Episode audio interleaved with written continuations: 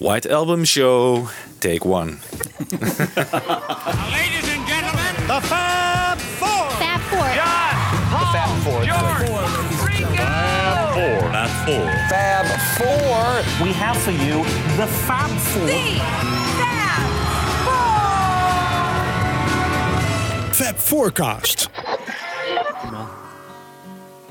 Flew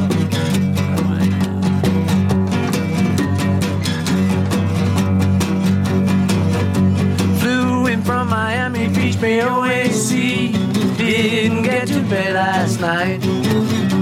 On the way, the paperback was on my knee. Man, I had an awful flight. I'm back in the USSR.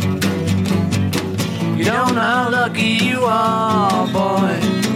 Back in the USSR. Been away so long, I hardly knew the place. It's good to be back home. Leave it till tomorrow to unpack my case. Honey, disconnect the phone. I'm back in the USSR.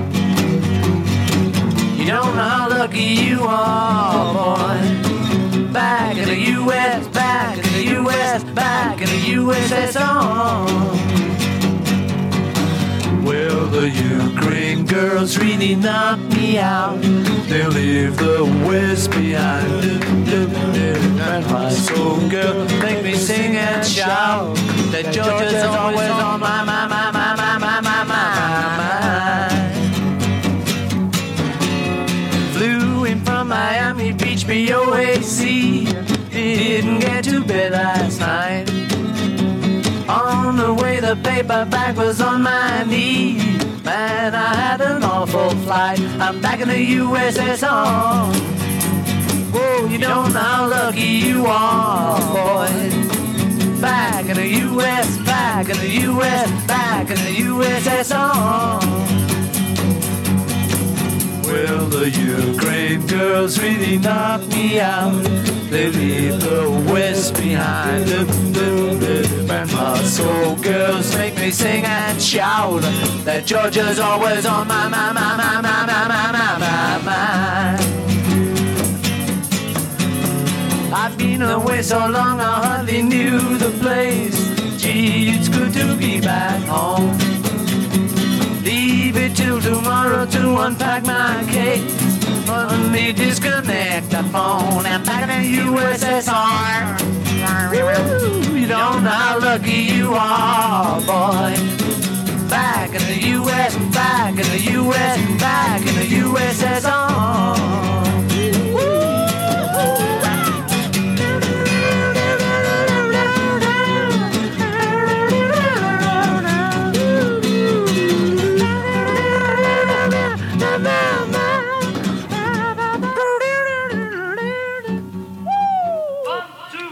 Forecast.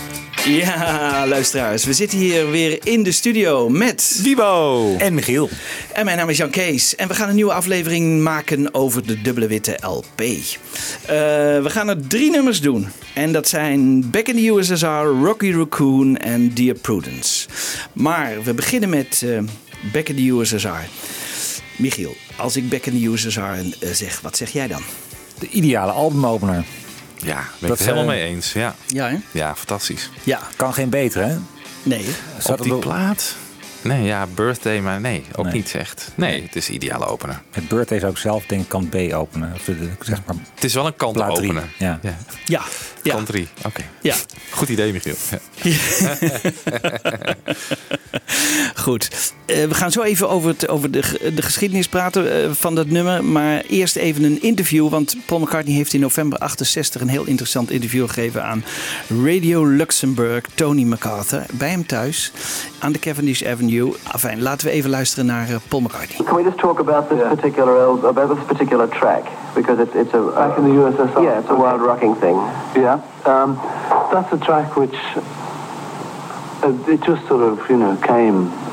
Because Chuck Berry once did a song called "Back in the USA," which is very American, very Chuck Berry, very sort of uh, uh, you know he was serving in the army, and when I get back home, I'm gonna kiss the ground, and they, you know I can't wait to get back to the states. And it's a, a very American sort of thing. I've always thought that kind of. So this one is like about, uh, to, in my mind, it's just about a, a, a spy sort of who's been in America a long, long time. You know, some fellow who's been in America a long time, and he's picked up and he's very American, but he gets back to USSR, you know, where. Uh, and he's sort of saying, you know, leave it till tomorrow, honey, to disconnect, you know, to uh, disconnect the phone and all that. And come here, honey, and with Russian women and that. Uh, You see, what what it is, it concerns the attributes of Russian women. Soul element created by George's guitar and heavy brass. Flip side platter. Ja, we, zitten dus eigenlijk ook in de hoogtijdagen van eh, de Koude Oorlog. Hè. Spionage speelt een belangrijke rol. Back in the USA noemt hij als inspiratiebron van Chuck Berry. Ja, dat is een nummer uit de jaren 50. Misschien kunnen we er eerst even naar luisteren en daarna nog even over hebben. We just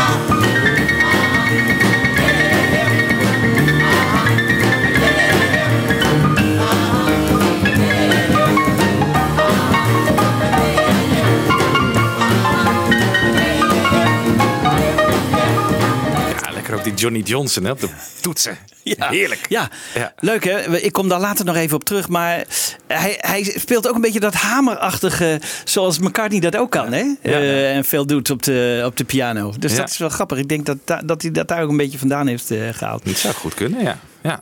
Chuck Berry, Back in the USA. Ehm, nu denkt Kevin Howlett, hè, die, die schrijver van het boek van eh, de Dubbele Witte Box, dat ook eh, een grote inspiratie is geweest. Een actie in, de jaren achten, in, de, in het jaar 68, begin 68, Backing Britain. Dat was een beetje om de industrie in mm, Groot-Brittannië op de voorgrond te krijgen. Dat iedereen maar Britse producten zou gaan kopen. Eh, Dus heel erg, weet je, we zien het, bijna nu de, in de Brexit weer de herhaling. Maar heel erg van jongens, we zijn toch geweldig hier in, in, in Groot-Brittannië. En laten we ook eh, vooral eh, Britse producten kopen. En eh, dat had een, daar had, was een hele campagne me- mee gemoeid. Dat we op radio en televisie. En dit was ongeveer een beetje de melodie zoals ze die lieten horen. Hello again from London. I'm Michael Smee, and I'm backing Britain. I'm back in Britain, yes, I'm back in Britain. We're all back in Britain today. This rather chauvinistic appeal has recently blossomed over the front pages of the world's press, on television, and on many thousands of these stickers and badges. I'm back in Britain, yes, I'm back in Britain. We're all back in Britain today. Every day sees more and more people backing Britain. I'm back in Britain, we're all back in Britain. I'm, I'm Michael Smee, and I'm backing Britain. I'm back in Britain, we're all Er zit weer dat eh, woordspelinkje waar McCartney zo verzot op is. Ja. Backing, maar back in, Back in. in Britain. Ja. Ja. Dus Kevin Howlett denkt dat dat wel een hele belangrijke inspiratiebron is geweest. Dit nummer is geschreven in, eh, in India. Hè? En eh, Mike Love was daarbij, zoals bij veel nummers toen eh, in, eh, bij de Maharishi. En hij weet ook nog dat hij wat hints en wat woorden heeft voorgesteld aan McCartney. Eh, want het, het nummer was toen in ontwikkeling. Mike Love. But I remember Paul McCartney coming down to the breakfast table one time when we, when we were in India at Maharishi's place. We were there meditating and, you know, some of us studying to become teachers of TM and stuff. And Paul McCartney came down with a, a song. He said, listen to this song, like, flew in from Miami Beach, BLAC. I says, hey, you know, you got to put stuff about, you know, the different parts of the girls in different parts of Russia in the middle part there, you know. And he did. Georgia on my mind, Ukraine girls really knocked me out. So, uh, in other words, it, it was a Beach Boy influenced song because I was there and I guess he started thinking in those terms. And then I gave him a couple of hints on words, which, hey, Paul, if you're watching, I'd like some royalties. Ja. Ja, geld, hè, dat vond hij belangrijk. Ja. Maar dat vond hij, eh, ja, hij zegt eigenlijk van de invloed van de Beach Boys is pas begonnen bij elkaar niet te gaan dagen. Van hey, dat zou een invalshoek voor de muzikale eh, omlijsting zeg maar, of invulling van het nummer kunnen zijn. Nadat hij met Mike Love gesproken had. Ja. Hij heeft niet van tevoren bedacht van ik wil een Beach Boys pastiche gaan maken. Mm, Dat zou ook kunnen, maar kan- dat kan natuurlijk ook omdat Mike Love daar was. Hè? Dus de Beach Boys zaten weer in zijn, in zijn hoofd. Hè? Eh, Mike Love zegt dus dat hij eh, California Girls heeft eh, eh, voorgesteld. Hè? Dat- Dat een, een goede inspiratiebron zou kunnen zijn voor dit nummer. Dus ik heb California Girls even de vocale versie eh, bij- erbij gezocht. The Midwest farmers' daughters really make you feel alright. And the northern girls, with the way they kiss, they keep their boyfriends warm at night. I wish they all could be California I Wish they all could be California. I wish they all could be California girls. Yeah, I wish they all could be California. Okay. You want to listen to it? Again? Ja, mooi. Mooi hè? Alsof je een engeltje in je oor piest. Ja, dat Heerlijk. is geweldig. Hè? Ehm, Mike Love zegt ook, eh, ik heb hem voorgesteld, Georgië, Georgia. Hè, eh, Georgia on my mind eh, van Ray Charles. Eh, ook dat is dus afkomstig van Mike Love. Just an old sweet song keeps Georgia on my mind.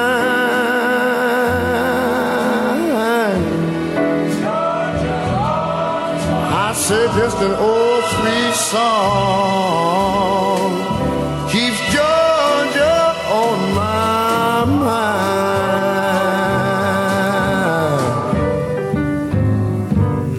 Prachtig. Prachtig nummer. Mooi gevonden van, eh, hè, ik van onze vind Mike. het een van de ja, grote geniale woordvondsten in, van McCartney eigenlijk. Eh, althans heb ik altijd gedacht, maar kennelijk dus van Mike Love. Mike Love, ja. hè? Gewoon dat, dat je Georgia, die, dubbel, die dubbele betekenis. En dan, dat je dan in my mind ook die link even legt. Ja. Want het is natuurlijk eigenlijk een ode aan leuke Russische chickies. Hè? Ja, ja. Ukrainian Ja. girls. Ukrainian Girls, ja. Geweldig, hè? Ja. Ja.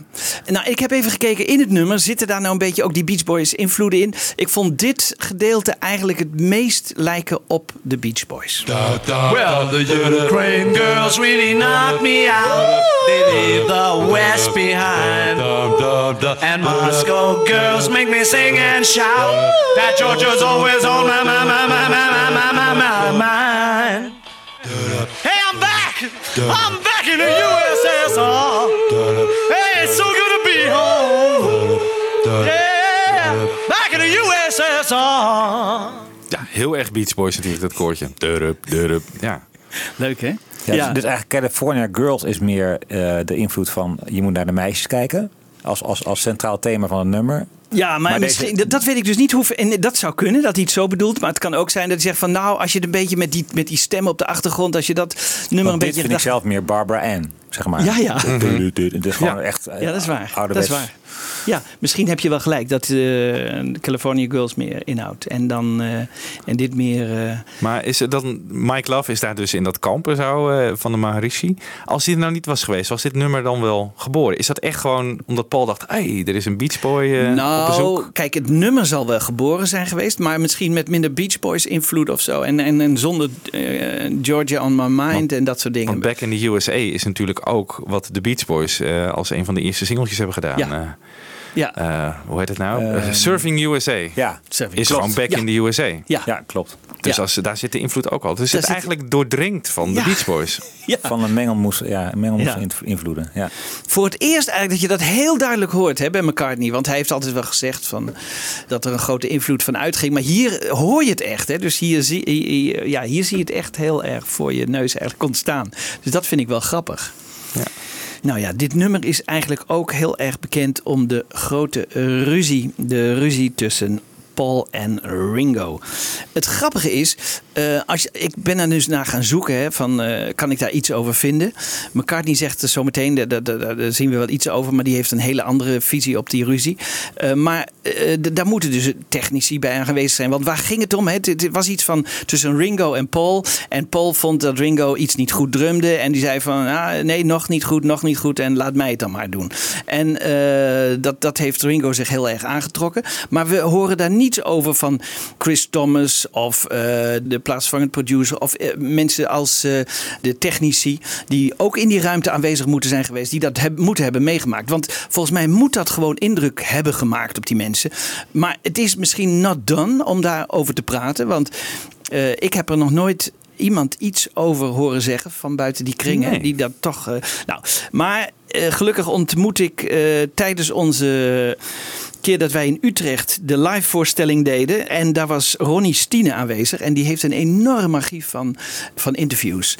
En eh, ik mocht van zijn archief gebruik maken. En daarin vond ik een heel interessant, meerdere interessante interviews met Francie Schwartz. En Francie Schwartz was destijds tijdelijk even de vriendin van Paul McCartney. En die was daarbij aanwezig. En die praat er wel heel uitgebreid over. Dus, en die heeft waarschijnlijk niet last van, nou ja, als ik het daarover ga praten, dan vindt McCartney dat niet leuk. Of eh, weet ik wie. Hè? Dus eh, de anderen hebben misschien iets daartegen om dat niet te doen. Maar zij ja, heeft McCartney natuurlijk al in 50 jaar niet meer gezien. Dus zij is daar wel vrij open over. Heeft er ook een boek over geschreven. Laten we even horen wat eh, Francie Schwartz daarover te zeggen heeft. I think that I I was there for part of the drum track because I remember that was the night that Paul interrupted and and actually didn't physically push him off, but Paul got in Ringo's chair and did a drum riff. And I mean the tension was so thick you could really cut it. It, it was just it showed so little respect for Ringo and and Paul's rationale was that he wanted to make this product as good as possible and he considered himself to be more sophisticated musically.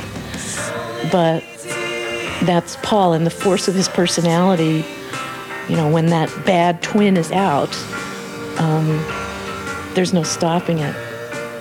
But it, I mean, eventually it was that led to Ringo's visit to the house when he said, I don't want to drum anymore. So there was conflict.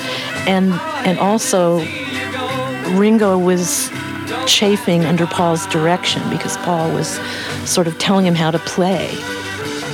And Ringo's the nicest person on earth, but even he had pride at that point. So for Paul McCartney to tell Ringo how to play, that created a great deal of tension.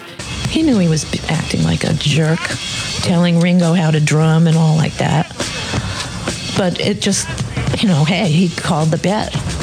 And so Paul put on the most charming, loving, sweet, hey, we're brothers, man, you know, and got him back. Otherwise, that album never would have been finished.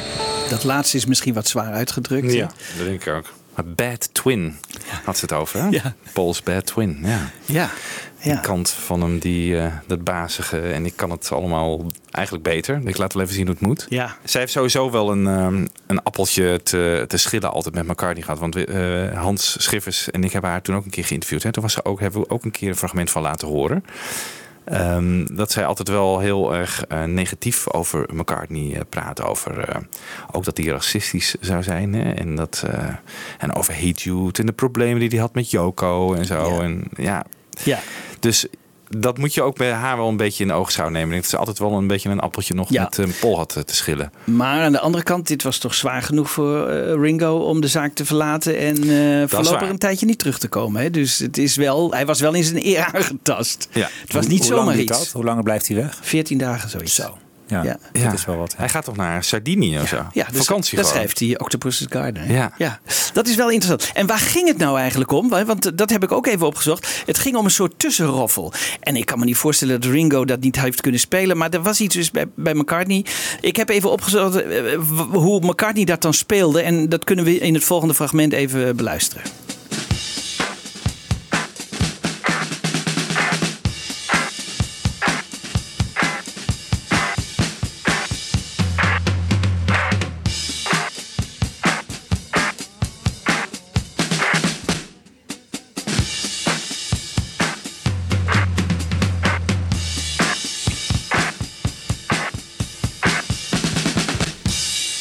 Dit, dit moet toch door Ringo gespeeld hebben kunnen worden. Ik bedoel, dat, hè, dit is, Dit is niet heel ingewikkeld. Nee, toch? Nee, ja, Ja, maar dat is misschien niet het punt. Niet, niet die technische kant, maar eh, bedoel, eh, drum is natuurlijk ook een, je geeft een creatieve invulling aan je instrument die McCartney nu vorm invult. Ja. dat irriteert hem gewoon. Ja.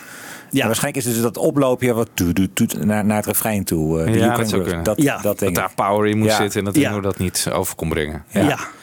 Ehm, Ringo die loopt dus weg hè? en, en eh, die gaat op vakantie. Maar, maar Ringo bedoel, is over het algemeen toch geen moeilijk iemand. Hè? Dus het, het moet wel ver gegaan zijn. Wil, wil, wil je Ringo echt zo ver krijgen dat hij echt uit de Beatles eh, tijdelijk stapt. Hè? Dus Paul die heeft daar dus een hele andere herinnering aan. En dat is, dat is dan weer interessant. Hè? Want ik, ik heb even teruggekeken. Ik heb er niet veel over kunnen vinden. Maar heeft één keer heeft hij zich daar wat eh, uitgebreider over uitgelaten. En hij- je, je merkt dan dat hij slecht kan dealen met, met, met negativiteit. Vooral als het over de Beatles gaat. Het lijkt wel een beetje die hele ruzie uit zijn eh, geheugen gewist. Althans, zo, zo ziet het er een beetje naar uit. Want hoe moeten we anders eh, zijn volgende reactie eh, daarop eh, plaatsen? I think I ended up playing drums on back in the USSR. And why is that? I don't know. I don't know. Uh, sometimes what happens in a band is that even if you've got as great a drummer as Ringo, he just hasn't got the feel you you're looking for, and you'll sit on the kit. And you'll say like this, kind of like this. Look, can you play it like this? Then he'll say, okay, you know. And, so, so- and in the end, you know, it's likely that I might have said, he might have said, well, you do it then. I say, are you sure you don't mind? Because a lot of political stuff there with the drummer. It's always treading on his toes, you know. So I, I think he, it- if my memory's correct, he might have just sort of said, "Go on, you do it. I don't mind. You know, it's only one track." And um, we did it. It was all very kind of homemade, though. And the other thing, it was all over very quickly. You know, and we didn't. You didn't uh, take a long time thinking about these things. Ja, ja. Ja, dit, Hmm. hè, hoe moeten we dit nou plaatsen? McCartney die het weer een beetje sweetened eigenlijk. Ja. toch? Zo van Ringo zei, oké, als jij het wil doen, dan doe jij het even. Dan Ja. geef me geen punt, maar dan, dan ga je natuurlijk niet... Je gaat niet twee weken weg dan. Nee. Nee. Nee, maar ja. Misschien is er ook wel gewoon een soort build-up geweest natuurlijk. Hè? Dat het al wel een tijdje wat... Dat McCartney al een beetje zat te trekken. En dat dit gewoon echt bam. De, het punt was waar het gewoon te veel werd. De druppel. Ja, de druppel. Ja, dat Ja. zou kunnen. Ja. Maar heeft hij dit hiervoor nooit gehad? Ja, toch wel. Dat deed hij toch ook al wel in eh, de helptijd. Ja, ja, ja, ja, ja. Maar, regelmatig heeft hij eh, toch aan Ringo gezegd, bedoel je, van, hoe die moet drummen en hoe, Ja, hoe, hoe die wil. toch? Ja, Toch ja, ook zijn, precies. I Wanna Hold Your Hand kan ik me herinneren. Deed hij dat ook, die intro? Ja, ja, Hoe. Ringo dat moest drummen? Ja, ja. Dus, dus nee, heeft dat regelmatig gedaan. Dus eh, op een of andere manier ging dit Ringo te ver. Nu dacht ik altijd dat Paul zelf alleen gedrumd had.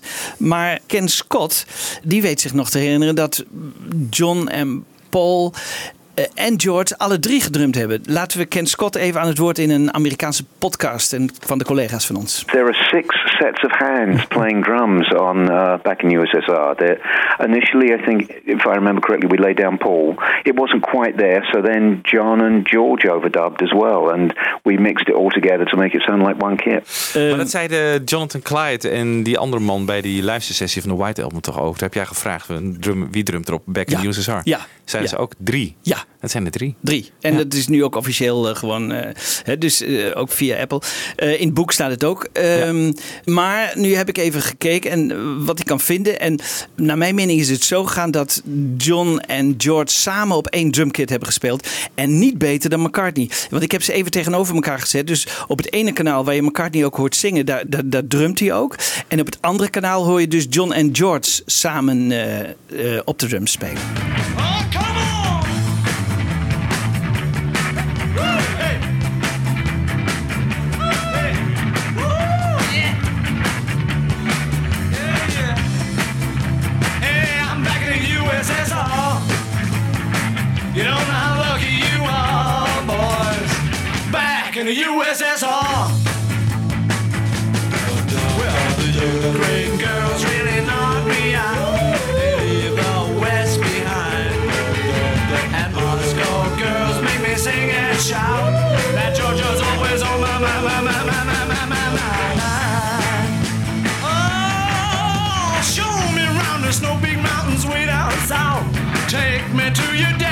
farm.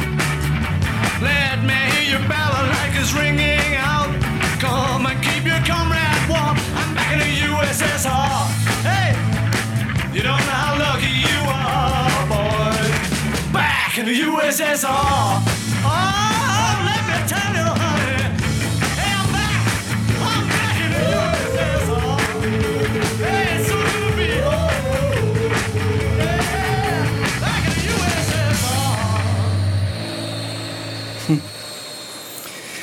Ik, ik heb het idee dat, ehm, dat wat Ken Scott bedoelt, dat ze eigenlijk meer een soort vollere drum sound wilden hebben. En dat ze daarom extra nog een keer. En dat George en John hebben gezegd: laten wij dan eh, nog een keer die extra drums invullen. Ja. Eh, niet dat het, eh, dat het nou heel, een hele grote aanvulling is. Eh, laten we nog even luisteren wat Ken Scott hier eh, over te vertellen heeft. We put down Paul first off, and it wasn't good enough for whatever reason. I can't remember why. And so we then overdubbed John and George doing things on drums as well. Then we compiled them all together, and that's what finished up being the drum track for back in USSR. Je zou toch verwachten, waarom doet Paul het dan niet nog een keer? Ja. Maar, maar zou het dan niet met de beperktheid van het aantal sporen te maken hebben? Dat eh, Paul bijvoorbeeld zijn bas doet en dat er geen sporen meer over waren voor extra drums. En dat, nou oké, John en George, doen jullie dat allemaal? Dan kan het allemaal op één spoor. Nee, want wat ze, wat ze wel deden was eh terugbouncen. Hè? Dus weer. eh, ik denk meer van eh, George en John. Die zeiden van. Nou, laten wij ook een keer drummen of zo. Laten, laten ons Als ook eens er wat. toch niet is. Ja, allemaal. niet. Ja. Hij was, net, hij was allemaal net weg. En, en dus, maar- Ja. ja, dat, dat denk ik eerder. eh, en dat ze het gewoon geprobeerd hebben. En, eh, maar dat, dat wisten we niet. Eh, McCartney wisten we dus dat hij wel drumde daarop. Maar niet dat John en George eh, dat ook eh, gedaan hadden. Maar Lennon deed wel de bas. Oh ja, die deed de bas op dit nummer, hè? Ja, ja Dat is want dat, dat, dat is heel, in- dat is echt heel interessant.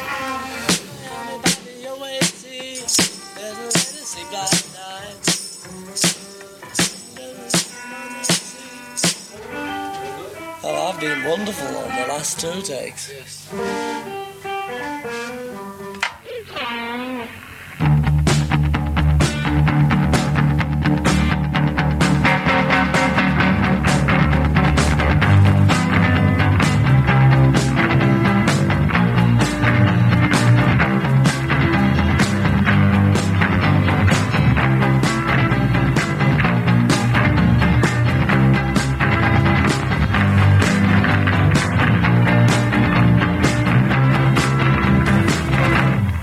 Niet helemaal strak, eh, John. Ja, het is wel grappig als eh, Lennon eh, de, de bas gaat spelen. hè? Dat heel is, bezig. hè. Tom, tom, tom, tom.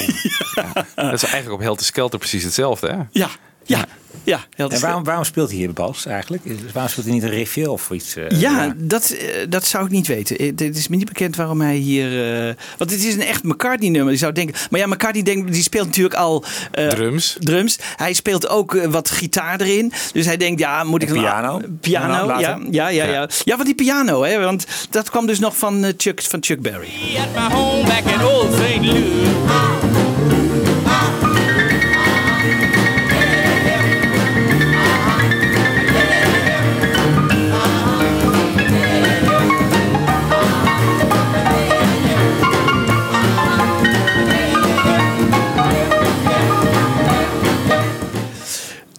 Wat eh, doet Paul? Hij schrijft eh, eigenlijk een soort melodie in, de- in dezelfde stijl ook. Een beetje eh, dezelfde manier piano spelen als bij Chuck.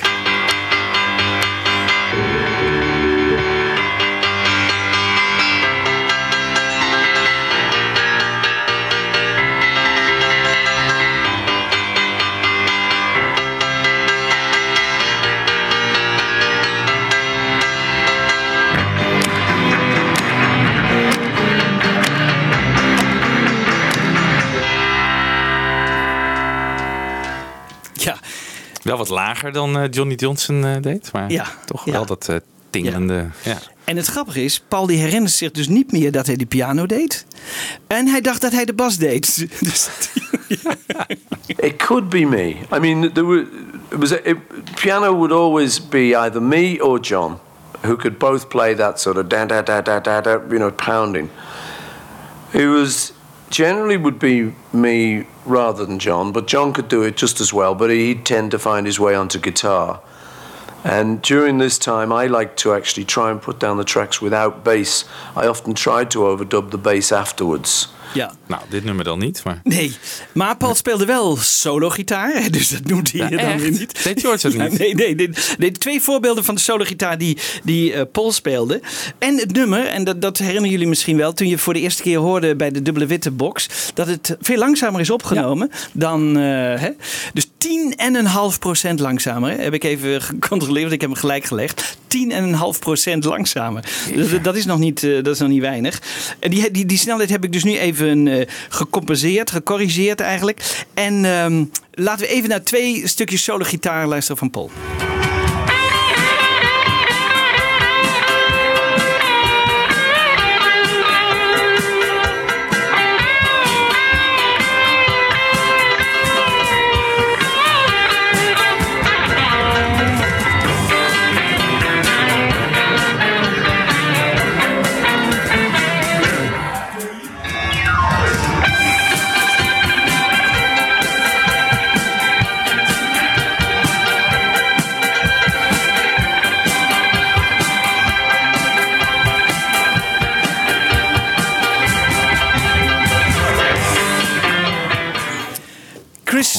Thomas was er ook. Hè? De, die verving eh, George Martin, hè? dat weet u nog. En die was, die was en ondanks dat Ringo nog maar net verdwenen was, was het toch een en al lachen geblazen volgens hem bij, eh, bij, bij, bij deze opname. I didn't see it as being the uh, a, a breakthrough album like Revolver, and but on the other hand, I mean, it was obvious that they were working. We were working on some amazing stuff, and the atmosphere in the studios was quite incredible as well. Um, I think the sort of the, the personal rifts that, that that happened. They were. I mean, I, I know Ringo sort of left at, at one bit, but. Um, generally speaking, it was it was really really sort of good humoured, very very good humoured, and um, and so it was just a joy to work on because it was just so. I mean, they were so funny. I mean, that was the thing. It was such a laugh. It was brilliant. Dat horen we hier ook een beetje als ze de vocals gaan inzingen. Well, yeah. Oh, come on! Woo! Hey! Hey! Woo! Yeah! Yeah, yeah! Hey, I'm back in the USSR! Liet even iemand een boer. Ja, heel grappig. ja. ja, dat heeft Diederik Nomde, dacht ik, ook eh, laten horen in zijn filmpje waarin hij de nummers analyseert voor de analogs. Dat is heel erg leuk. En dan hebben we het vliegtuig van, wat re- van rechts naar links vliegt. Een Viscount straalvliegtuig uit het EMI-archief. Ja, dat is, eh, Kijk, Sound Effects Dat zijn de Library. details. Hier hoor je even de stereo gemaakte monoversie.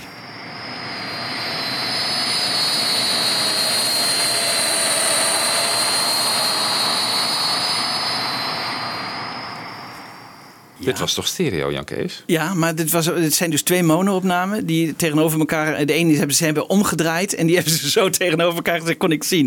Dus dat is wel Ah. grappig. En aan het eind van de monomix zit er ook nog één.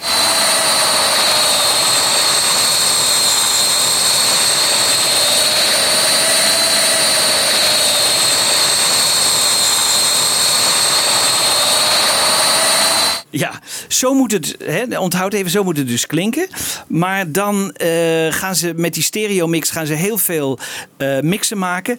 En eh, dit is een tapeje dat loopt voortdurend rond. En dat moet je dan bijhouden met een potlood. Moet je dat strak houden. Hè? Dus het gaan, je moet je voorstellen, het gaat over een, een bandrecorder. En die moet strak gehouden worden, dat, dat, dat, dat loopje, met een potlood. Maar omdat het zo vaak over moest, ging die, ging die hele tape rafelen. En op het eind klinkt die eigenlijk nauwelijks meer. En dat is wat op het eind, eh, wat eigenlijk op de stereoversie op het eind te horen is. Eigenlijk een heel rafelig geluid, omdat, omdat die, die hele tape begint eh, kapot te raken. En dan, dan hoor je dus eigenlijk dit.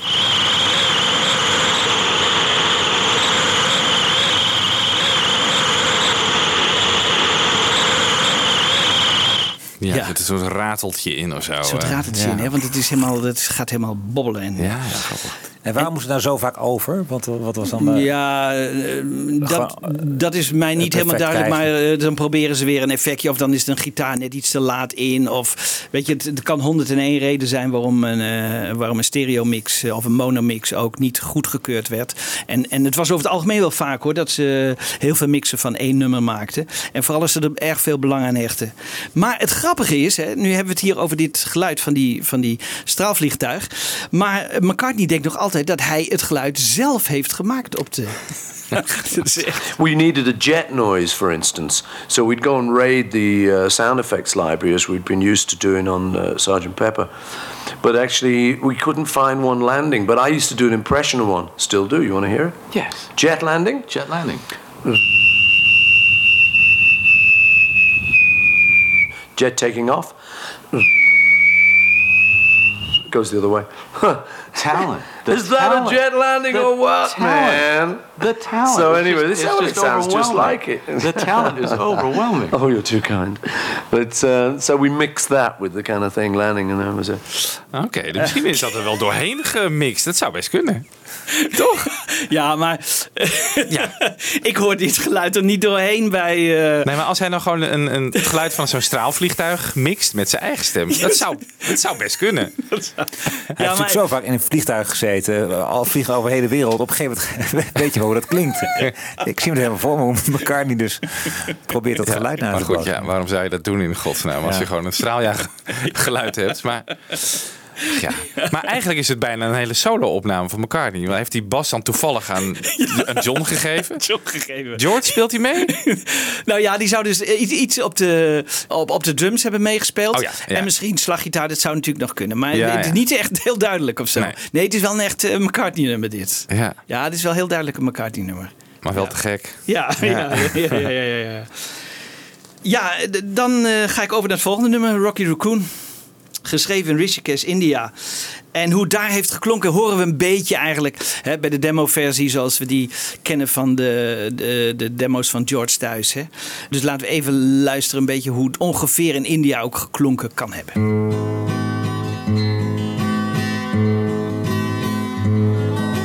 Rocky Raccoon checked into his room only to find Gideon's Bible. Rocky had come equipped with a gun to shoot off the legs of his rival. His rival, it seems, had broken his dreams by stealing the girl of his fancy. Her name was McGill, she called herself Lil, and everyone knew her as Nancy. She and her man, who called himself Dan, were in the next room at the hoedown.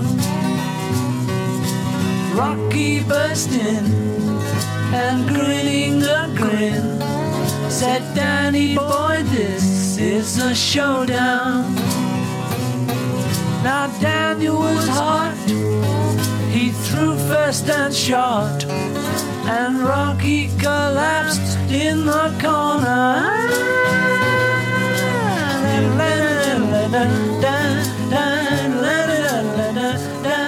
Ja. Zo moet het ook een beetje in India geklonken hebben, denk ik. Hè? Ja. Ja. Ik vind het wel leuk, dat gitaarriffje van...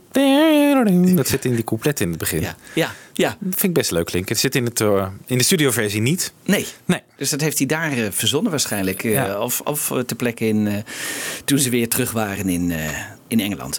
Het grappige is, eh, als, als die dubbele witte klaar is... dan doen ze maar één promotioneel interview.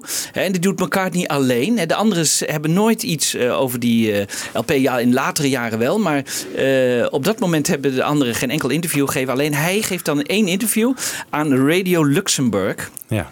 Eh, Tony MacArthur.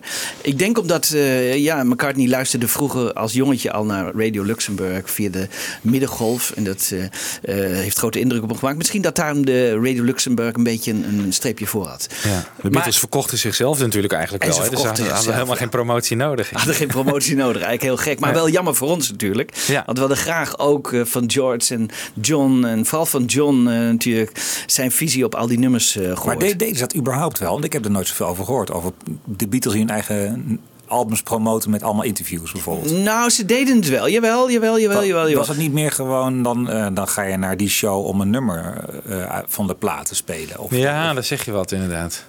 Ja, ja. Niet dat ze echt gewoon analyserend eh, gaan praten over het album, maar gewoon meer Nee. van, nou, dit is onze Zoals je nu bij McCartney... eh, maar ik geloof bij Abbey Road dat, dat, dat John het weer doet, geloof ik. Dus eh, het, het kwam wel voor, maar niet veel. Het was inderdaad niet veel. En zeker in die begintijd eh, niet. Maar het is wel jammer, want het is pas later gebeurd eigenlijk dat ze terugkeken. En gelukkig heeft John ook nog wat gezegd over heel veel nummers.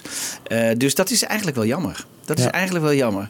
En, en hier vertelt hij dus iets over het ontstaan van, eh, van Rocky Raccoon.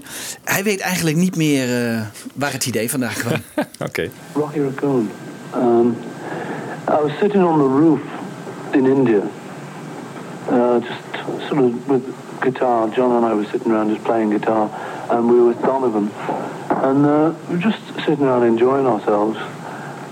And I started playing those the chords of Rocky Raccoon, you know, just messing around. And it was originally it was Rocky Sassoon, Rocky Sassoon. Uh, and then we just started, we started making up the words, you know, the three of us, and started just to write them down. They came very quickly. And eventually I changed it from Sassoon to Raccoon because it sounded more like a cowie. So there it is. Just, you know, these kind of things, you can't really talk about how they come because they just come into your head, you know. They really do. And it's like John writing his books, you know. There's, there's no, I don't know how he does it, and he doesn't know how he does it, but he just writes. He just writes. It's like any writer, you know. Uh, There's, I think people who actually do create and write, you, you tend to read in and think, oh, well, now how did he do that? How did? But it actually does flow, just flows from the, into their head, into their hand, and they write it down, you know. And that's what happened with this. There's no, I, I don't know anything about the Appalachian Mountains or cowboys and Indians or anything, but I just made it up, you know. And the doctor came in stinking of gin and proceeded to lie on the table. so there you are. Uh, I suppose the idea to do the thing with some sort of a, an American Western accent also happened this way. Did it just? Oh, that, yeah, that was just that was just a joke, you know. As most of the most of it is. Hij zegt het komt dus zo de, hè, je hoofd binnen. Ja. Maar het is wel grappig, want hij noemt eh, die, die, die dokter. Nou, daar komen we straks nog op terug, waar dat waarschijnlijk vandaan komt. En ik denk dat Vidal Sassoon, dat daar Rocky Sassoon vandaan komt. Want ehm Vidal Sassoon, dat was een, was een beroemde kapper in swing 60s in Londen. En dan gaat hij zijn geluk proberen in Amerika. En zijn grote doorbraak komt bij het knippen van Mia Farrow. En bij de film Rosemary's Baby. En he- en dan heeft ze heel kort haar. En dan gaat Mia, die gaat dus naar eh, India. Eh, Paul ontmoet haar daar. En die, ik denk dat hij haar niet direct heeft herkend. Hé, je hebt kort haar. En die, die zullen ze natuurlijk nog wel kennen van de voorgaande films en Peyton Place met lang haar. Ja, nee, ik ben geknipt door een kapper uit Engeland. Die ken jij misschien wel. Fidel Sassoon, Sassoon. ja. Weet je wel? Dus ik denk dat het zo'n beetje gegaan is. En dat die naam Sassoon weer bij McCartney getriggerd werd. En dat hij zo, eh, denk ik, op die, eh, op die naam Sassoon. Overigens wel grappig dat Mia Farrow heeft die film Rosemary's Baby dus opgenomen. In de Dakota Building in Ja. Manhattan. Hè, waar eh, John Ja. later is eh, gaan wonen naar Central Park.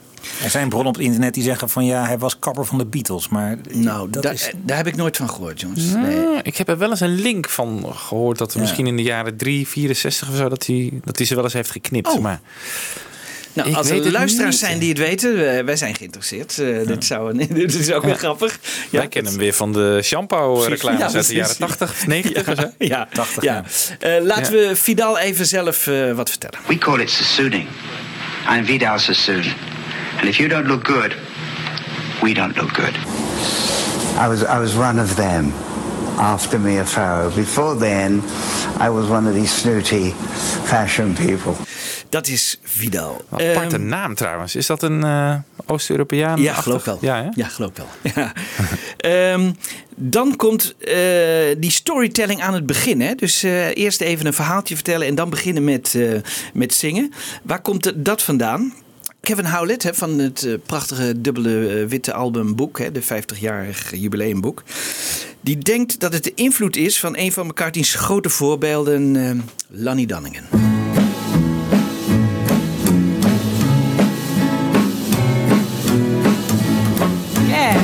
Donegan. Yeah, I hear, Chrissy. Now this here's a story about an escaped convict called Long Gone Lost John. It's got a nice chorus, so if anybody want to join in, hear the way it goes. Sing 'em for 'em, boys. Yeah. Now he's long, long, long gone. And when he's safely on the other side of the toll gate, the, the driver shout back down the line to the man.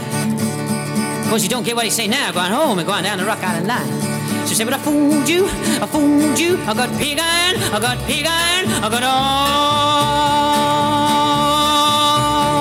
pig iron. He said, tell you I'm gone, boy. Going down the Rock Island line, yes, yes, she's a mighty good road. Oh, well, the Rock Island line, she's a mighty good road. The Rock Island line is the road to ride it. The Rock Island line, she's a mighty good road. And if you want to ride, you got to ride Skiffle. Ja, die begon dus ook met een soort paar coupletjes en dan begon hij in één Ja, keer te zingen. eens vertellen. Dat Dus dat- is een nummer trouwens. Long Lost John heeft John volgens mij ook nog eh, zo'n Dakota-opname van gedaan. Dat is leuk om een. Long Daar gaan we, Lost John. oh, ja, ja, ja, daar gaan we in de toekomst dus wat van draaien. Is leuk. Ja. Paul McCartney over de inspiratie van dit lied. Hij heeft het dan over Bob en Dan McGrew. Ik ben dat gelijk gaan uitzoeken op internet.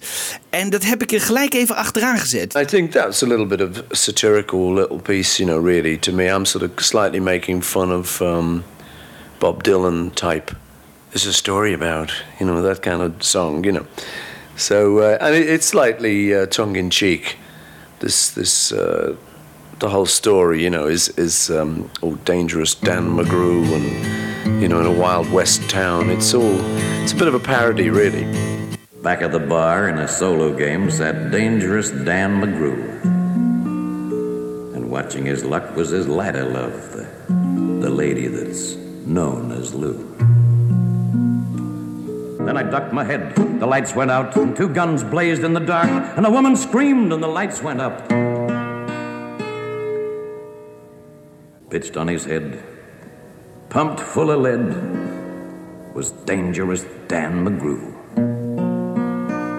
while the man from the crick lay clutched to the breast of the lady that's known as Lou. En dus dat accent een beetje, dat Ja. lijkt eh, En wat Paul doet. eh, known as, weet je wel, dat heeft hij ook weer hè, Ja. eh, ja. gehaald. En, dus hij heeft er een beetje van. eh, Everyone knew her as Nancy en dat soort ja, dingen. Ja, precies. Hij zet het echt in als een, Amerika een vet Amerikaans accent eigenlijk. Hè? Valt mij altijd op. Ja, het is, Somewhere in the black man. Ja. Ja. Ja. Ja, zeker. ja, is dat, dat is een beetje Texas of zo? Ja, ik denk het wel. Beetje redneck. Ja, een beetje redneck. Ja, ja, ja. ja, ja. Overigens, de, de, de Dr. Stinking of Gin, dat is dus ook echt gebeurd. Hè? In 1966 heeft hij een bromfietsongeluk gehad. Dat weten we misschien. Hè? De, de- met zijn, Hij is voorovergevallen. eh, onder invloed van drugs, eh, wordt gezegd. Hè? En eh, hij, hij heeft zijn lip helemaal gescheurd. Hè? Ja. En een stuk van de tand af. En dan eh, komt hij bij een dokter. En eh, die dokter die stinkt dus naar gin. En hij is dan heel bang dat die man het niet helemaal netjes zal doen. Dus eh, hij gaat het downplayen. Dus hij gaat zeggen, nou dokter, stelt allemaal niet zoveel voor, weet je wel. En daar komt dus het idee vandaan van dit van de dokter Stinking Stinking, of gin. Of gin, ja. Ja, hij heeft nog echt nog een half jaar of zo met zo'n kapotte tand rondgelopen, hè, Ja, Paul? ja. dat is ook zo raar. Ja. Ja. en die Paperback Writer clip, dan Ja, zien we dat ook zien we. echt af, af en toe eh, Ja. Die rare tand. Ja. En hij kan hem nu er helemaal uithalen, geloof ik. Dat heeft hij ook wel eens gedaan. Hè? Dat, Ja. Hij is ook wel eens in een broodje blijven steken, geloof ik, in New Oh? York. Ja, ergens in de jaren negentig. Zijn tand eruit. Pirate eh, McCartney, ja. Ja, bij de opname eh, zijn het dus eigenlijk twee microfoons. Hè? De een op de gitaar en de ander op de vocalen. En John speelt op de achtergrond mee met de mondharmonica. So one day he walked into town, booked himself a room in the local saloon. A rocky Raccoon checked into his room only to find Gideon's Bible. Je hoort dus even, dat is wel grappig, op 29 seconden de mondharmonica van John. En die, die wordt dus meegepikt eigenlijk door een van die twee microfoons. En daarom hoor je hem eigenlijk. En, maar dat, die wilden ze later overnieuw gaan doen. En toen kregen ze hem er dus niet meer uit. Dus die eerste op 29 seconden is er altijd ingebleven. Dat is wel heel, eh, heel grappig. Maar dit is John op zijn mondharmonica. Misschien wel, ik zit even te denken, maar ik kijk jullie aan voor de laatste keer van zijn leven. Oh, Joko. Oh, oké. Dus, ja, jij hebt gelijk. heel goed, heel goed. Maar misschien wel bij de Beatles. Ja, dat, dat zou wel kunnen, ja. Ja, dat denk ik wel. Ja. Heel scherp, Ivo. Nee, heel scherp. Laten we dan in ieder geval even genieten van John op zijn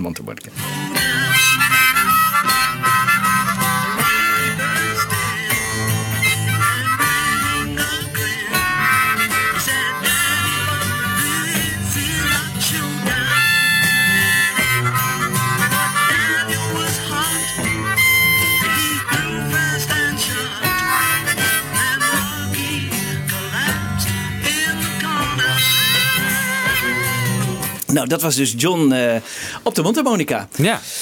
McCartney die wilde geen bas bij dit nummer, maar wel een overdub van de laagste tonen van zijn eh, Martin akoestische gitaar. En dan kreeg je eigenlijk dit.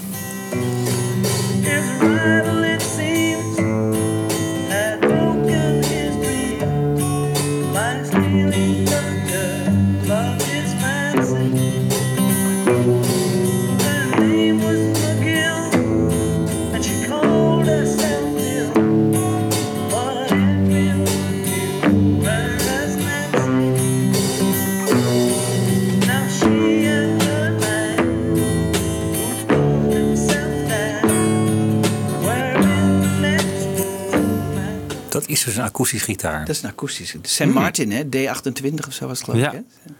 Ja. Maar er zit geen bas verder in het nummer, dus dat, dit Nee. is de bas. Nee, hij wilde denk ik als, een beetje akoestisch houden. Zou dat de reden kunnen zijn? Ja. Dat heeft hij niet vaak gedaan hoor, op deze manier. Maar Bij I Will natuurlijk, dan met zijn mond. Met zijn ja. mond weer. Dus hij, Ja. hij probeert wel allerlei Ja. dingen uit. Dus Ja. dat is wel grappig. En ja. ook passend, ja. Want een vette elektrische bas past misschien ook niet goed op dit nummer. Nee, nee, dat is misschien te overheersend. Ja, misschien wel. Zou kunnen. Ja. Nee, hij had ook nog zo- zo- zo'n zo'n zo'n hele grote, zo'n tekisbas, zo'n, eh, hè, van, die hij later van, Ring, van eh, Linda heeft gekregen. Van, Van Bill Black. Van die- Bill Black. Zo'n Ja. soort bas had hij ook kunnen. Ja, dit was wel mooi geweest misschien. Ja. Ringo deed nog wat extra drumwerk.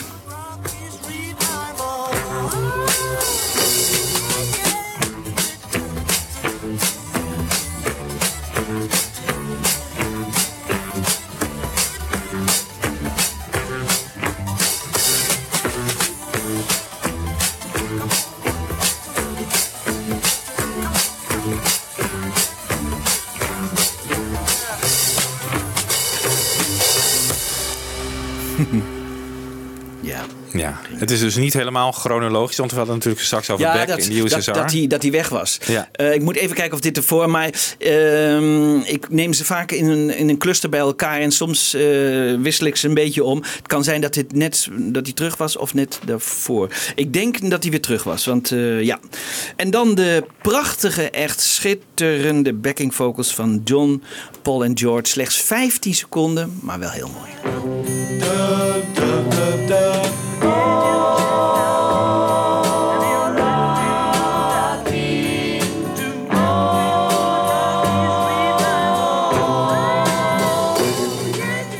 Ja. Ja, die zijn echt heel mooi. Ja, Ja. heel kort. Maar zo mooi, hè? Dat is er echt aan genieten van. Hè? Dat is echt, als je zoiets dan even los kunt halen, zo mooi. En George Martin komt nog met een ehm, harmonium aan. Ook wel mooi.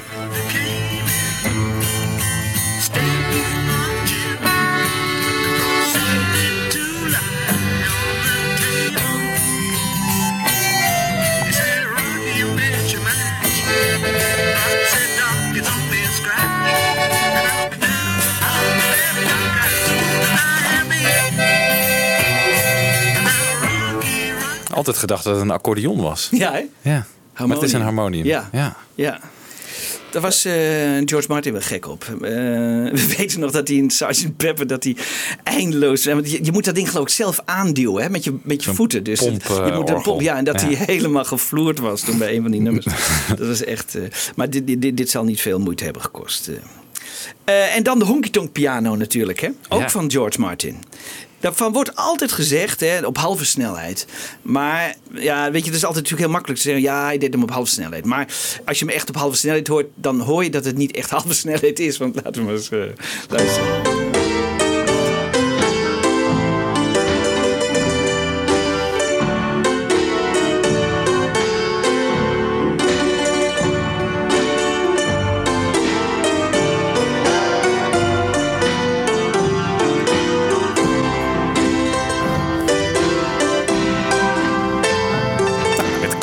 Ja, op zich? kan. Nee, Ja? het- Of, het- nog langzamer. Wie zegt dat het op deze snelheid zou moeten? Ja. Je kan het toch... Ja, maar het klinkt, on- het klinkt onnatuurlijk. Eh, wil, en, en daar luister ik dan naar. Hè, van, Ja. Klinkt het eh, instrument natuurlijk. Als je dus 25... pro- Ik heb allerlei snelheden uitgeprobeerd. Ik vond 25% langzamer. Dus een kwart langzamer vond ik het meest logisch. Eh, misschien kunnen jullie het ook eens beoordelen.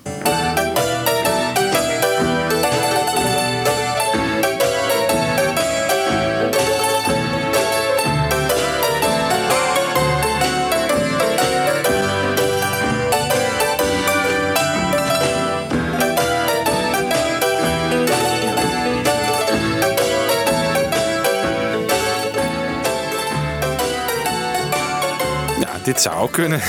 Ja, hè? Wat zegt de literatuur erover dan? Ja, nee, daar, daar wordt zelden eh, iets. d- daar moet je echt heel diep ingaan. Want weet je, daar werd dus niet bijgehouden. Hè? Er er werd niet gezegd van George Martin opname op zoveel procent. Ze hebben gewoon wat uitgeprobeerd. En dat hoefden ze ook niet bij te houden. Want als het één keer goed was, dan stond het goed op die tape. En Dat is dan, Dus dat hoefde nooit meer gereproduceerd te worden. In ieder geval niet op de snelheid zoals hij in het nummer zit. Dat is gewoon echt te snel. Ja. ja, maar het grappige is, de analogs, hè, die moeten het dus wel op, eh, op die snelheid Succes, doen. ja. Dus daar heb ik ook even een voorbeeldje van. Dat vind ik wel knap van die jongens toch weer. Hè?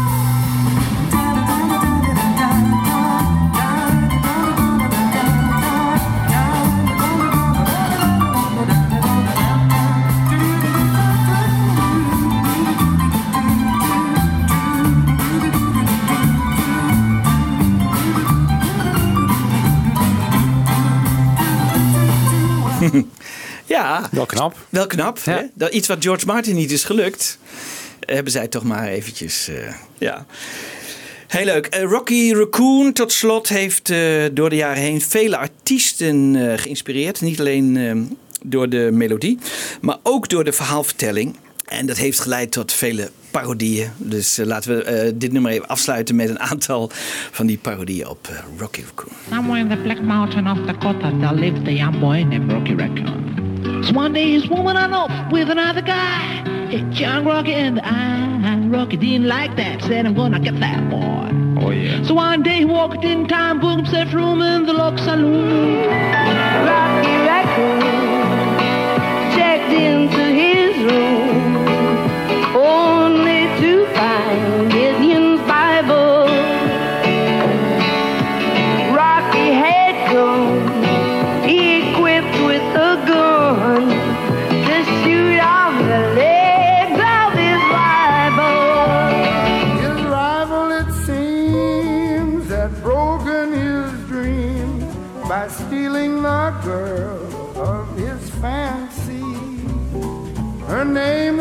McGill, she called herself Lil, but everyone knew her as Nancy.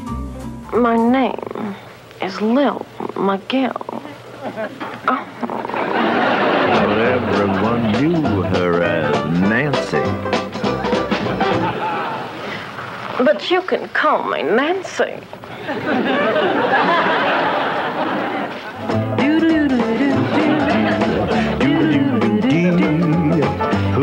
Brandon.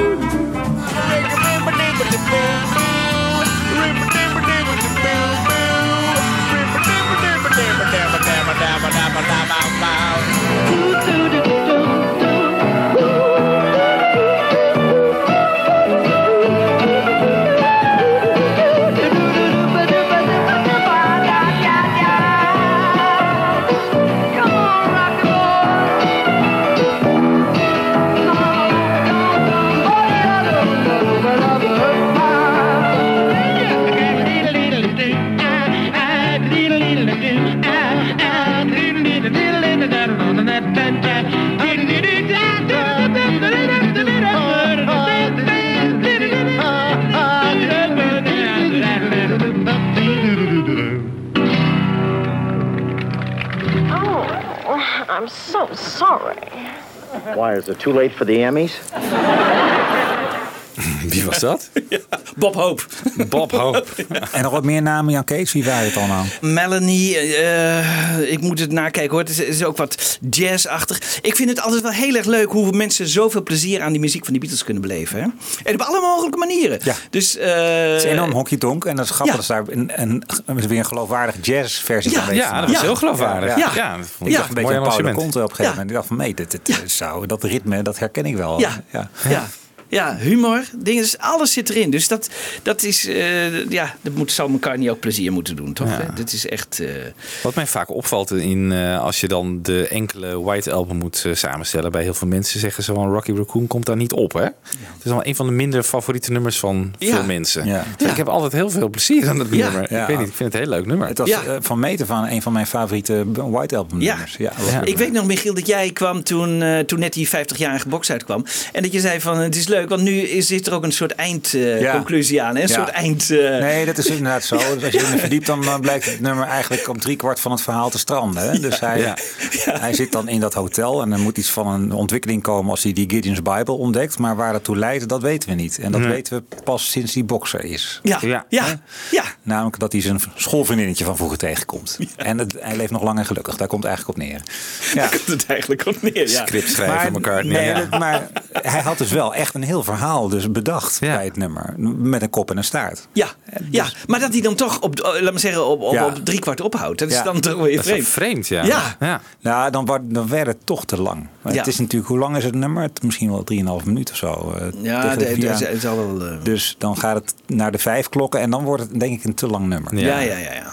Ja, het is wel heel erg repetitief natuurlijk. Ja. Dus dan, die coupletten die gaan eindeloos door dan natuurlijk. Ja. Ja. Dat wordt misschien wat saai. Ja, ook omdat er zo'n verhalend stuk in zit. Dan heb je Ja. wel, komt hij weer met zo'n verhaal, weet je wel. Dus eh, dat is maar een geslaagd nummer zonder meer. Ja. Hij heeft het nooit meer gespeeld. Hè? Nee, hè? dat zat ik net Nee. te denken. Hij heeft het nooit meer gespeeld, hè? Nee, nee, nooit. Nee. Jammer hè? Had hij jammer. echt bij Unplugged kunnen doen? Of, Ja. eh, Ja. Heel goed. ja. En dan Wix op eh, harmonium en zo. En uh, dings. Ja, Ja, dat is- fantastisch doen. En meezingen met Ja. la la la la, dat met de hele zaal. Ja, ja. Zeker. Ja. Een, een op piano, ja. Dus eh, het zou heel goed hebben gekund. ja. Helaas. Kan nog hè? Toch? Hij heeft bijna alle Beatle-nummers eh, Ja. toch wel gedaan eh, die van zijn hand En zijn. hier hoeft hij niet, vrij, niet heel erg hoog te ka- gaan, of wel? Nee, nee. nee. dat zou prima Het is kunnen. bijna vertellend, dus eh, Ja. ja. Nou, Paul, als je luistert, if you're listening, sorry. Ja. Ja, ja, ja, ja, ja. Jongens, we zijn aangeland bij een van de mooiste, misschien wel een van de grootste meesterwerken van dit album. Dear Prudence. Ja. Ik denk dat jullie het met me eens zijn. Zeker, fantastisch. Ja, Ja. Belangrijkste kenmerk natuurlijk, hè, die fingerpicking. Ik heb even een, een, een collage gemaakt van mensen die erover spreken. Dus Donovan die vertelt iets over de fingerpicking. Daarna Mike Love over Prudence Farrow, hè, over wie het eigenlijk gaat. Dan Prudence Farrow over haar herinneringen aan het nummer. En tot slot eh, John Lennon over het nummer. When I was a young man learning my own styles for my own songs, I was picking up from various recordings uh, skills, and then I learned from pickers themselves. And one in particular was the clawhammer, which was a very, very interesting piece of work. Mark Carter took a banjo picking style and transposed it to guitar, which opened up a huge new area of guitar picking. I learned that. And then the story is now all over the world how in India uh, John Lennon was fascinated by this guitar style. And as I picked, one day John said, How do you do that? I said, What? He said, That guitar picking. I said, Well, let me look, because I'd forgotten actually. I was just doing it naturally. And I said to John, our teacher, but it'll take a few days. He said, I've got time down here in the jungle. And so he did. And we sat down, and John learned it in two days. I took three.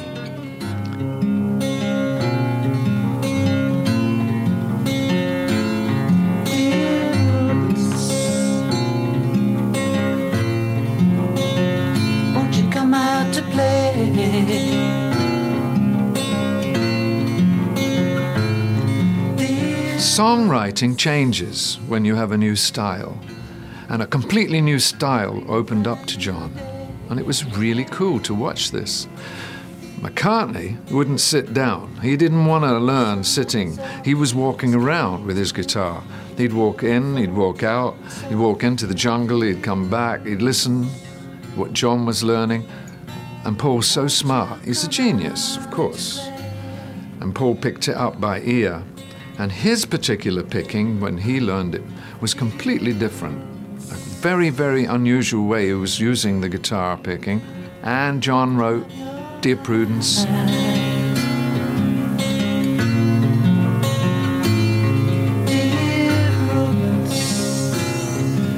Now, Prudence took it extremely seriously when Maharishi said, you should go and meditate for as many hours as you're as comfortable. So I maybe would, the, the most I ever meditated for was maybe six or eight hours. And that I thought was a lot, but then there were people that would meditate for 12, 24, whatever. Prudence, they had to go in and get her out of her room.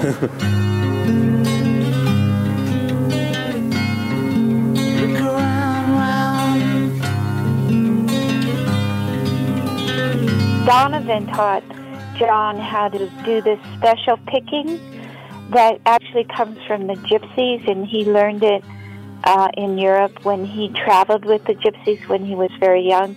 And he showed it to John, and the first time John ever uses it, and that it really starts to be known, is is in the song "Dear Prudence." Let me see you smile.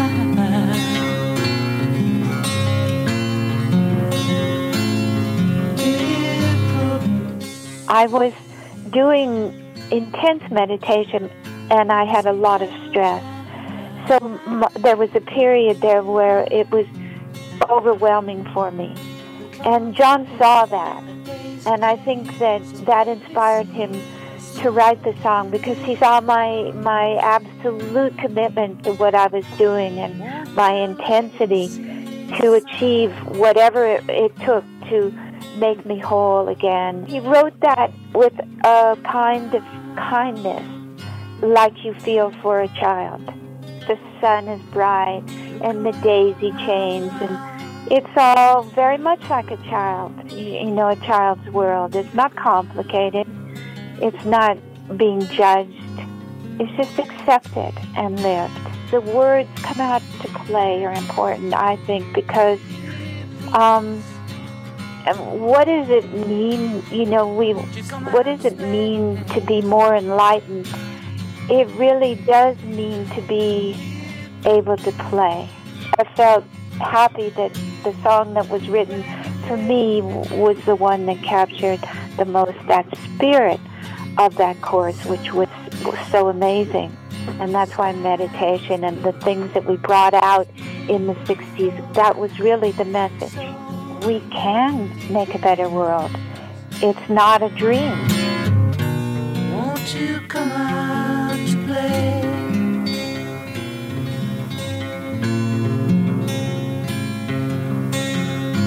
She struck by notice in the middle of her meditation course in Rishikesh, India. No one was to know that sooner or later she was to go completely berserk under the care of Maharishi Mahesh Yogi. All the people around were very worried about the girl because she was going insane.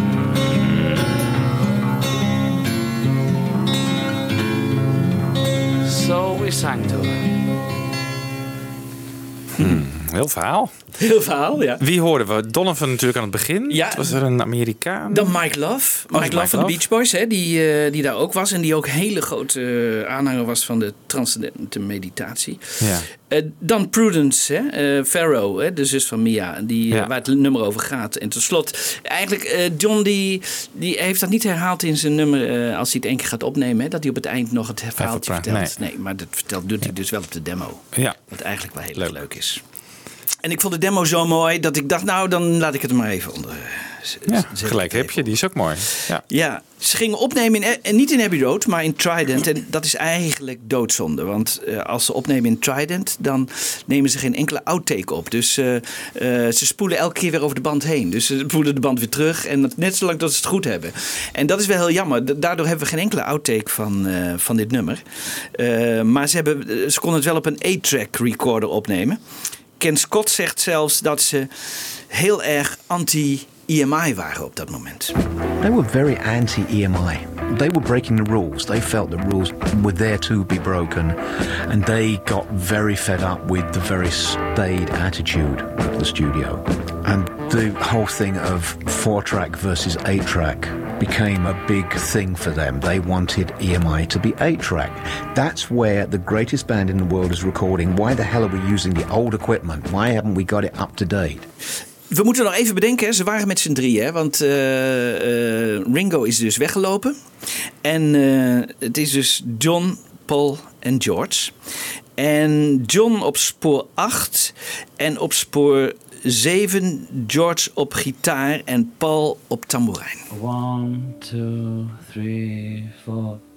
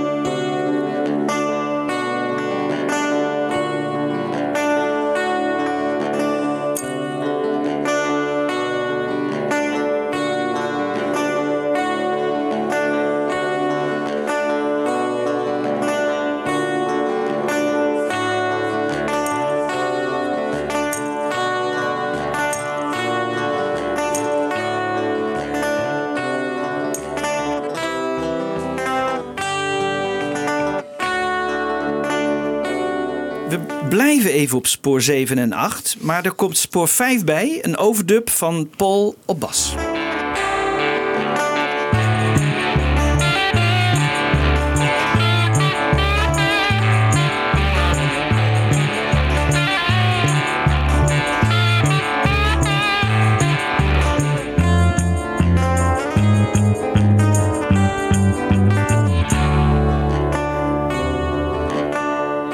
Zingt John in hè, op spoor 3. Het laatste stukje gedubbeld door even met zichzelf mee te zingen en eh, terug te brengen naar het spoor, te bouncen noemen ze dat, eh, naar spoor 3. Dear Prudence, won't you come out to play?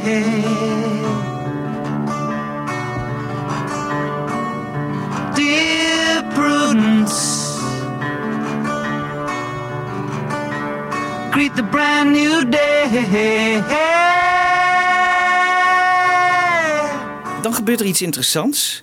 Eh, John speelt met zichzelf mee, hè? dus op de onversterkte elektrische gitaar. Dus om zichzelf misschien een beetje eh houvast te geven.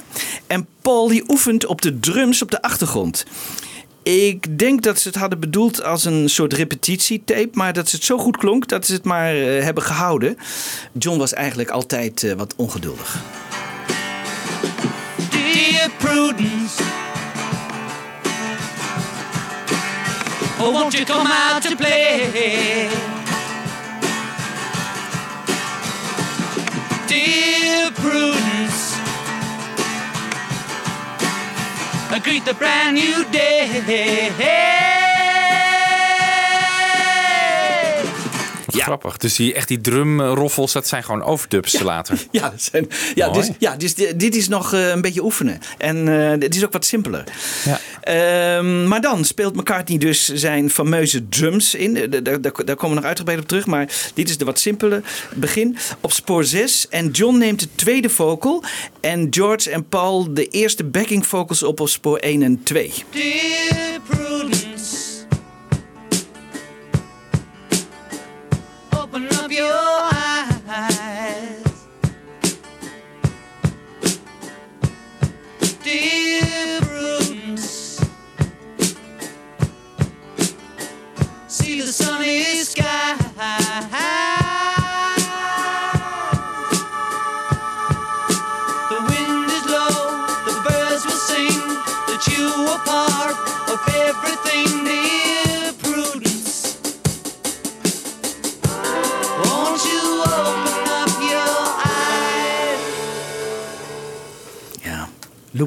Prachtig, ja. Prachtig. Het is echt, als je dat uit elkaar trekt, het is ook weer genieten dus ook van al die losse sporen.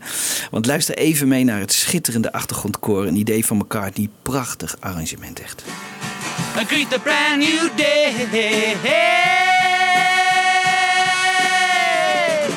The sun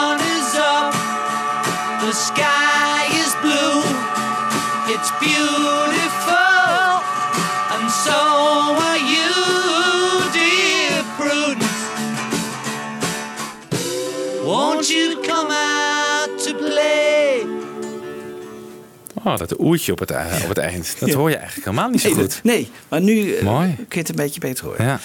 Dan was er ook een gelegen in de studio, een gelegenheidskoortje van de dag. Eh, Mel Evans, Jackie Lomax, Lomax en John McCartney. Ja, John McCartney. Wie Een- is dat? Een neef uit Liverpool. Die mocht waarschijnlijk de opname bijwonen. En die met z'n drieën eh, waren helemaal... Nou ja, ik denk Mel Evans het minste. Maar Jackie Lomax en John McCartney waren helemaal blij dat ze, dat ze mee mochten zingen. En dit maakten ze ervan. Look around, round, round, round, round, round, round, round, round. Look around, round, round. Round, round, round, round, round, round, round. Look around.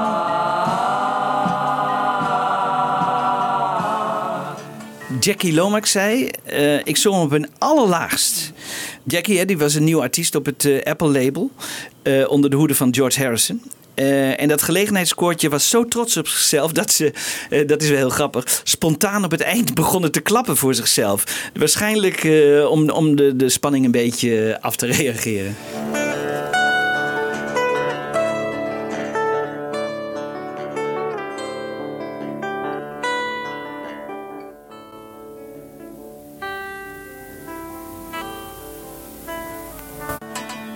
Did I just do the last verse? Ja. Hoe weet je dat zij dat waren dan? Eh, nou, dat schrijft Kevin Howlett ook weer. Dat zij voor Ah, zichzelf. Want ja, de Beatles gingen natuurlijk nooit voor zichzelf klappen ook. Hè, maar die, eh, die waren zo. Die waren. Ze waren zo tevreden van, nou, dit hebben we nog nooit gedaan. Zonder Ringo. Zonder Ringo. Ja, zonder Ringo. Ja. ja. ja. Ehm, nu hoorden we in dit stukje. eh, een aantal Beatle-experts en onderzoekers hoorden een flugelhorn. Hè, dus dat, dat hoorde je hier net even. We weten dat Paul een overdub deed met de flugelhorn. Maar waar die was te horen, heeft nooit iemand gevonden. En ik heb hem gevonden, jongens. Eh, Slechts eenmaal, maar heel kort. En dan twee keer in toon. Maar ik heb hem gevonden. Het, kostte me heel veel moeite. We hebben heel veel dingen moeten... Ja, Oké, laten we even luisteren.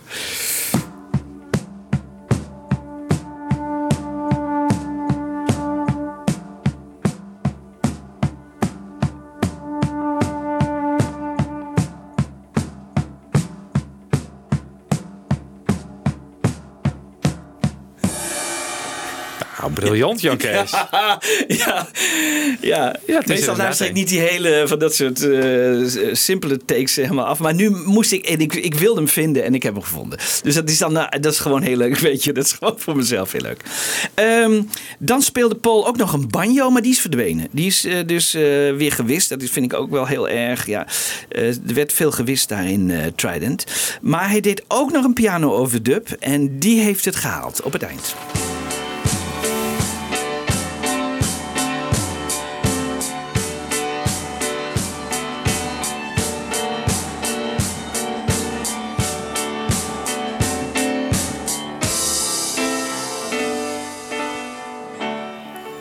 Dat was de Hey Jude piano, denk ik. Ja. ja. En de Bohemian Rhapsody piano. Oh ja, natuurlijk. Ja, ja, ja, ja, de Trident piano. Ja, wat goed. Ja, wat leuk. Nou jongens, hier sluiten we eigenlijk de, de, de aflevering mee af. We, gaan, we eindigen met het, eh, het onovertroffen drumwerk van, eh, van Paul. Daar zal ik zo nog even over, iets over vertellen. Maar ehm, wat hadden we die hier graag toch John nog een keer later in zijn carrière dit, dit nummer horen zingen. Hè? Dit is echt eh, een van zijn... eh, Hoe het ook opbouwt, hè? Het zo, is ook heel Ja. klein en verstild begint het. En het wordt Ja. een soort echt Ja. kakofonie. Ja. Ja. Schitterend hoe het naar de climax toe werkt. Ja, ja. Ook met die drums toch op het eind. Ja. Dat is ook echt Ja, gek, hè? Ja, want... Maar is dat, want heel veel mensen zeggen, ja, dat kan Paul niet zijn, want het Nee. is te ingewikkeld. Ja, maar dat kan dus niet, want ik heb het dus eh, geanalyseerd. Hè? En eh, wat gebeurt er? Eh, op het eind van dag 2 wordt er een monomix gemaakt voor John zelf. Die neemt hij mee naar huis en die Ja. komt later naar boven bij de Lost Lennon tapes. Ja. Dus we weten dat McCartney die drums heeft gedaan. Want anders, dat had niet gekund. Want hij had geen monomix mee kunnen nemen met de drums. Daar zitten van- die drums van al op. Want ze zeiden, ja, later is Ringo teruggekomen en die heeft het tweede gedeelte nog een keer overgedrumd. Maar dat kan dus niet. Want Nee. eh, daar, staat, daar staat het drumwerk al helemaal op. En dat is echt, eh, het is fabuleus wat hij daar doet. eh. Je kan daar niet een overdub overheen doen of zo. Jawel, dat kan wel. ja, maar ja, dat kan. Dat kan. Maar dat gaat er dus om. Wanneer John die monomix mee naar huis heeft genomen, Ja. is dat pas aan het eind van de White Album? Is het echt meteen naar de opnames? Ja, meteen naar de opnames. Ja, toen was Ringo er niet, dus Ja, dat toen, kan- Toen was Ringo er niet. Nee. En, en, en dat kunnen ze dus helemaal weer... eh, Want eh, da- daar zijn ook aantekeningen van gemaakt, monomix gemaakt, weet je wel. Dus dat Oh, werd wel aangekondigd. Dat werd helemaal aangetekend. En later zou eh, George Martin echt de stereo mix en alles eh, maken. Maar omdat we die monomix hebben, weten we dat McCartney al toen eh, dat geweldige... Eh, het zijn dus wel, Michiel, het zijn wel overdubs van die drums. Hè. Je hoort er zo straks nog een gedeelte wat Jan Kees had. Ja. Dat hij gewoon de beat aanhoudt in dat gedeelte. Maar Later zijn er dus gewoon Ja. extra Gaat helemaal eh, los. Ja. En het, wo- roffels het wordt ook eh, nu nog een keer bevestigd in het eh, dubbele witte boxboek hè, van eh, Kevin Howlett. Dat het dat het is. McCartney is. Punt. Dat het McCartney is. Punt. Dus we, we hoeven daar niet meer over te twijfelen. En, en, en hij is echt dan op zijn aller, allerbest qua drum. Dus daar gaan we even tot slot naar luisteren. En ja, we zeggen even gegroet aan onze luisteraars. Ja, gegroet? Tot de volgende keer. tot, tot de volgende keer.